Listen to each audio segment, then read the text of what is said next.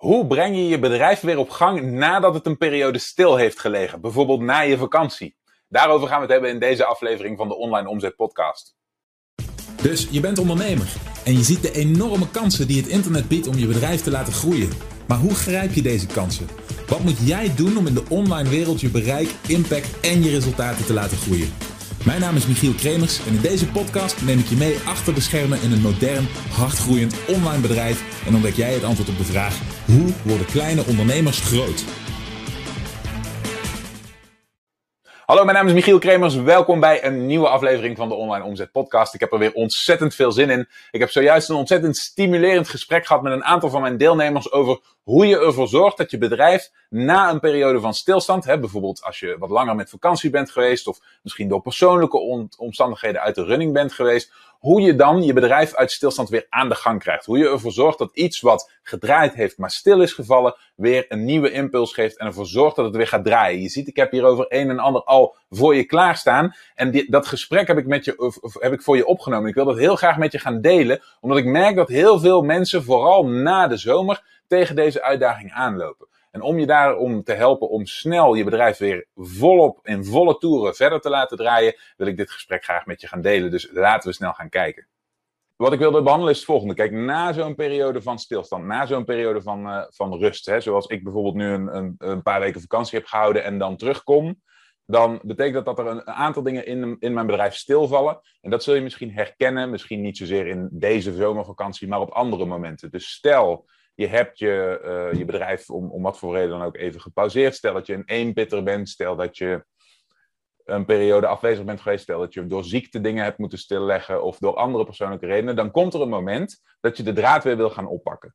Oké? En om die draad weer op te pakken, dat kan soms ontzettend overweldigend zijn. Want binnen je bedrijf spelen allemaal verschillende dingen. Een aantal daarvan, daar was je misschien zelf bovenop, eh, zat je misschien zelf bovenop, was je misschien zelf mee bezig. Andere dingen had je misschien uitbesteed. En op een gegeven moment wordt dat een spinnenweb. Dat wordt heel erg groot. En dat wordt soms een beetje onoverzichtelijk. Maar op het moment dat de boel draait en jij met je voeten in de, in de modder staat, dan is dat allemaal helder. Dan heb, je vinger, dan heb je je vingers aan de knoppen, dan ben je up-to-date, dan is het allemaal gaande. Maar als je er een periode uit bent en je moet dan terugkomen en je moet de boel dan weer draaiende zien te krijgen, terwijl je al die verschillende stukjes al een tijdje even niet onder oog hebt gehad, dat kan een hele grote uitdaging zijn. En wat ik daarvoor doe, en dat is waar ik het vandaag over wilde hebben met jullie, is een zogenaamde systems check, zoals ik hem hier heb neergezet. En die systems check, dat betekent het volgende, oké? Op het moment dat je zo'n startschotsmoment kiest, het moment van oh, de boel moet weer gaan draaien, dan zijn er eigenlijk maar een aantal sleutelelementen binnen je bedrijf waar jij als hoofdondernemer, als verantwoordelijk, als degene die de kar moet trekken, naar zou moeten kijken, oké? Alles wat er verder speelt binnen je bedrijf moet onder deze noemers te hangen zijn. En dat betekent dat als je deze hoofdpunten afloopt en jezelf ervan verzekert dat ze in orde zijn, dat ze lopen of dat ze herstart kunnen worden, dat dan in principe je hele bedrijf weer draait. Alles wat hier buiten valt, is in principe bijzaak en dus niet zo belangrijk. Dat betekent, het kan wel belangrijk zijn, maar dat betekent dat als jij je bedrijf niet draaiende hebt en je moet van niet draaiend naar weer wel draaiend gaan, dat die dingen dan even buiten beschouwing mogen blijven, want dan draait het in principe in de eerste instantie alleen hierom. Oké, het eerste punt, zoals je hier ziet staan, is exposure. Oké, alle bedrijven leven in de eerste instantie op de aanwas van nieuwe potentiële klanten. En de aanwas van nieuwe potentiële klanten kan pas ontstaan op het moment dat mensen van je bestaan afkomen te weten. Dus als er geen systeem bestaat, als er geen systeem draait, wat ervoor zorgt dat jij onder nieuwe mensen hun ogen terechtkomt, oké, dan is de, de voorkant van je bedrijf, zeg maar de etalage, is afwezig. Dan zijn de ramen dicht, dan is het licht uit. Dan kan er in principe geen stroom van nieuwe klanten ontstaan. Oké, dus dat is punt 1. Het meest concrete voorbeeld wat ik daarvan kan geven is in het geval van een modern uh, internetbedrijf, uh, helemaal digitale bedrijven, digitale producten, is advertising. Oké, dus als jouw advertenties uitstaan, bijvoorbeeld omdat je een periode afwezig bent geweest of wat dan ook, dan is het aanzetten van je advertenties, het genereren van exposure, het zorgen dat er views, engagement, kliks, wat dan ook uh, optreden, is je eerste stap. Oké? Dat zegt op zich nog niets, maar alle hierop volgende stappen zijn daar wel van afhankelijk. Dus als die exposure afwezig is, dan kun je ook niemand nieuws bereiken, kun je ook niemand omzetten in nieuwe klanten. Dus dat is controlepunt 1. Heel simpel. Oké? is er exposure? Is het antwoord daarop nee? Hoe genereer, ik, hoe genereer ik exposure? Hoe deed ik dit in het verleden? Wat ontbreekt er op dit moment en hoe zorg ik ervoor dat dat weer op gang komt? Dat is een hele concrete vraag. Dat is punt 1. Het tweede punt, zoals je hier zit, is lead generatie. Exposure is natuurlijk maar stap 1. Uh, eh, dat iemand jou te zien krijgt, dat iemand van je bestaan af weet, dat betekent nog niet dat ze warm voor je lopen, interesse in je hebben, uh, potentiële klant willen worden. Dat wil alleen nog maar zeggen dat vanuit jou er een mogelijkheid is om onder mensen hun neus te komen. Dat is stap 1. Stap 2 is dus lead generatie. Dat betekent dat je ervoor zorgt dat van die mensen waaraan je exposure genereert, waaraan je zichtbaar wordt, dat je ervoor zorgt dat je die binnenhaalt in je bedrijf. En ik verwoord dat altijd als ervoor zorgen dat je potentiële uh, klanten, je bezoekers, bereikbaar worden voor je marketing in de toekomst. Hè? Als je me wat langer volgt, heb je dit, me dit misschien vaker horen zeggen. Maar je eerste verantwoordelijkheid is ervoor zorgen dat bezoekers bereikbaar worden voor je marketingboodschap in de toekomst. Waarom? Omdat als je dat niet doet, je exposure moment altijd één moment blijft. dus iemand krijgt jouw advertentie te zien, of uh, komt uh, via een, een, netwerkbijeenkomst, of via een appointment setter, via social media komt achter jouw bestaan. Maar als daarna dat contactmoment voorbij is en er is geen systeem in place om ervoor te zorgen dat je die persoons aandacht terug kunt brengen bij jouw bedrijf, oké, dan is de kans dat dat ooit iets wordt is ongeveer nul. Dus stap 2 is altijd lead generatie. Ervoor zorgen dat je die persoon kunt blijven betrekken. Ervoor zorgen dat je de contactgegevens van die persoon, in ons geval in het, liefst, het, allerliefste een e-mailadres, dat je die verzamelt, oké, zodat je een tweede kans hebt, zodat je verbonden blijft. Dat is stap 2. Dan gaan we nog even niet dieper dan dat. Dat is de simpele systems check nummer 2, het systeem leads. Oké, exposure en leads. Twee hele simpele punten. Het derde punt, ik heb het hier eventjes gezet als cold naar warm, maar ik bedoel daar in principe gewoon mee het opwarmen van potentiële klanten, het opwarmen van leads. Dus als jouw leadmachine staat, dan gebeurt er nog niks. Dus die lead, die merkt geen verschil tussen dat hij één keer jouw advertentie gezien heeft en dus alleen maar exposure heeft gehad van je, en dat die lead is geworden. Dat merkt die lead pas als jij gaat communiceren.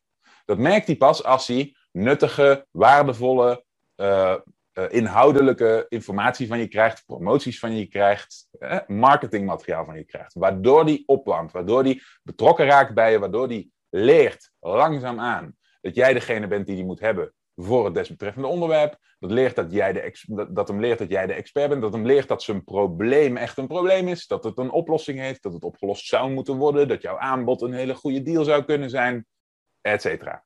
Dat, ook dat doen we, uh, richten we, zoals je weet, weer in als een systeem. Dus als jouw lead opwarmingssysteem afwezig is, oké, dan is dat je volgende check. Dan ga je kijken naar staat mijn e-mail marketing. Oké? Dan ga je kijken naar staat mijn retargeting. Dan ga je kijken naar, heb ik een ander systeem wat ervoor zorgt dat ik contact hou met mijn klanten? Sommige mensen doen dit bijvoorbeeld via social media, via chatbots, via regelmatige posts, via YouTube, noem het allemaal maar op. Waar het om gaat is dat de opwarming van die lead tot een echte potentiële klant, die alleen nog maar een zetje nodig heeft, dat dat geautomatiseerd gebeurt, dat dat systeem staat. Oké? Systems check nummer drie is dat. Nummer vier is sales ook een hele logische volgende stap. Ik neem aan dat de, de logica en wat we hier aan het doen zijn, je niet zal ontgaan. dus de volgende stap is simpelweg op het moment dat je die exposure genereert, dat je die mensen vast weet te houden en dat je ze op weet te warmen, dan is de logische vervolgstap is altijd dat je ze daadwerkelijk binnentikt, dat je sales genereert, dat die mensen betalen en dat ze klant bij worden. Dus ook hiervoor, ook voor het stukje sales, hebben we weer een, uh, een systeem nodig.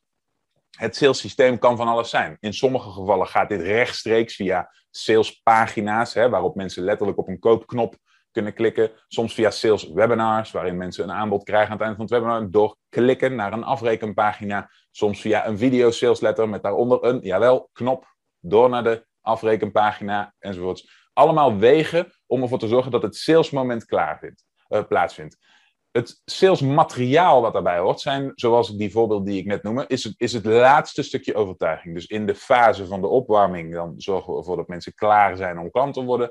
Bij het stukje sales geven we ze het aanbod en geven we ze de argumenten die ze nodig hebben om daadwerkelijk klant te willen worden. Dat is dat laatste zetje. Oké? Ook dit is weer een systeem. Hè? Je hebt het eh, in, in mijn marketing misschien langs zien komen als webinars bijvoorbeeld, of als video salesletters. Dit is je sales systeem. En dan de laatste, en dit is een Hartstikke logische vervolgstap. Die klanten die jij iets beloofd hebt, die binnen zijn gekomen, die moeten daarna natuurlijk krijgen wat je ze hebt beloofd. Dat is het stukje fulfillment. En ook dat is een systeem. Zowel sales als fulfillment zijn gewoon systemen. Dit zijn onderdelen van je bedrijf die je bouwt.